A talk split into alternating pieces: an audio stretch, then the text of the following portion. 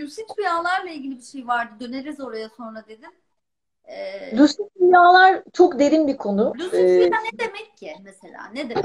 Lucid rüya e, rüyada olduğumuzu bildiğimiz ve rüyayı yönetebildiğimiz rüyalar. Ama zihinsel bir kontrolden hayal kurmaktan bahsetmiyorum. Yani şimdi ben buradan gideyim hani şey He. böyle uykudan uyanırsın devam edersin sonra hayal kurmaya başlar. Öyle bir şeyden bahsetmiyorum. Tamamen rüya içinde hareket edebildiğin rüyalar. Niyetle yatmak mı yani bu? Niyet de var. Ee, bazen kendiliğinden de aslında lucide dönebiliyor.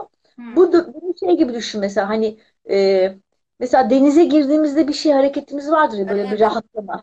Hani evimiz denizde artık. Hani yüzmek gibi onlar hani böyle tamamen kendiliğinden bir salınım halinde olan hmm. rüyalar. E, hatırlarsın eski bilgiden hani işte biz işte göbek çakrımızdan bir gümüş kordonla bağlıyız işte hani bedenimizden çıkar dolaşırız hani ruh hareket ediyor. Astral. Biraz buradan astral seyahat. Biraz da buradan başlıyor ama lucid rüya deneyimini tekrar hatırlatıyorum. Bir kere iki kişi yapılabilir ya da işte e, fiziksel bedenin çok güçlü olması gerekiyor. Lucid rüya çalışmaları yapılabilir ama işte orada mesela saat kurup saatle çalışıyorsun.